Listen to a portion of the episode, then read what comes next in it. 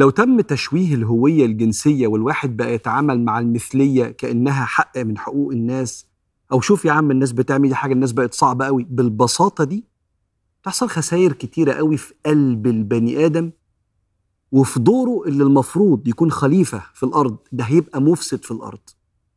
أول خسارة هو التعود على ما يدمر الفطرة الفطرة دي هي القلب السليم. اللي انت المفروض تحافظ عليه علشان تروح يوم القيامة. يوم لا ينفع مال ولا بنون إلا من أتى الله بقلب سليم. من ضمن ما يحافظ على الفطرة إنك لما تشوف منكر بعينيك قلبك يرفضه. قلبك وجهك يتمعر منه تتضايق من حاجة زي كده. ليه؟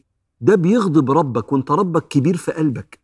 عشان كده لما سيدنا النبي عليه الصلاة والسلام قال لعن الله المتشبهين من الرجال بالنساء والمتشبهات من النساء بالرجال. المفروض لما أشوف حاجة زي كده ما تفهمش هو راجل ولا ست إيه الألوان دي وإيه اللبس ده أشعر بشيء من النفور والكراهية لأن ده تبديل لخلق الله وده دور الشيطان. خسارة التانيه اللي بيجنيها البني آدم اللي بيتعامل عادي مع المثلية وبيقبل المثلية هو الإفساد في الأرض. ونشر الرذيلة وتدمير الإنسانية. وأنا عايزك بعد الحلقة بس تعمل سيرش كده على أضرار الشذوذ اضرار الطبية اللي في جسم الإنسان. هتشوف أضرار مرضية وبائية وهتشوف أضرار مقززة بتحصل في جسم الإنسان بسبب العملية أعزكم الله الجنسية ما بين نفس الجنس. ويكفي أن أقول لك آخر إحصائية قريتها إن الانتحار ما بين المثليين تسع أضعاف.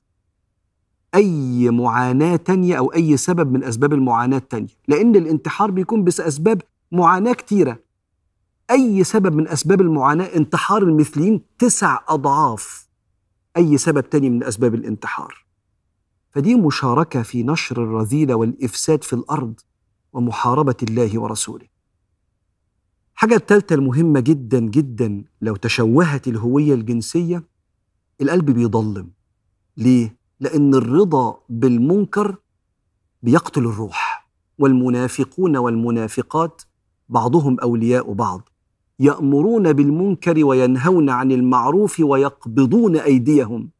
نسوا الله فنسيهم. إن المنافقين هم الفاسقون.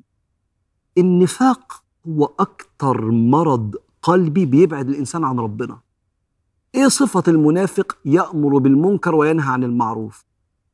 والرضا بالمنكر والنفور من المعروف هو أحد أكبر أمراض القلب اللي بتضلم الروح وبتفسد العبادة وبتبعد العباد عن ربنا سبحانه وتعالى وبتخلي الحياة نفسها مضلمة.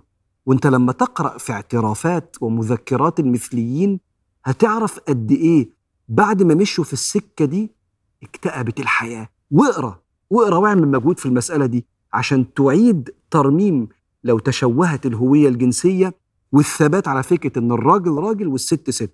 أختم معاك بحاجة أخيرة.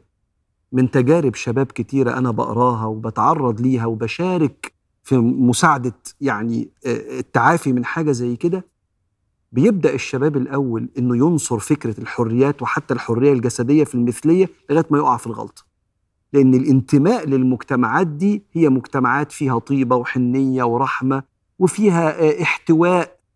فيها مجتمعات جاذبة جدا للناس الطيبين.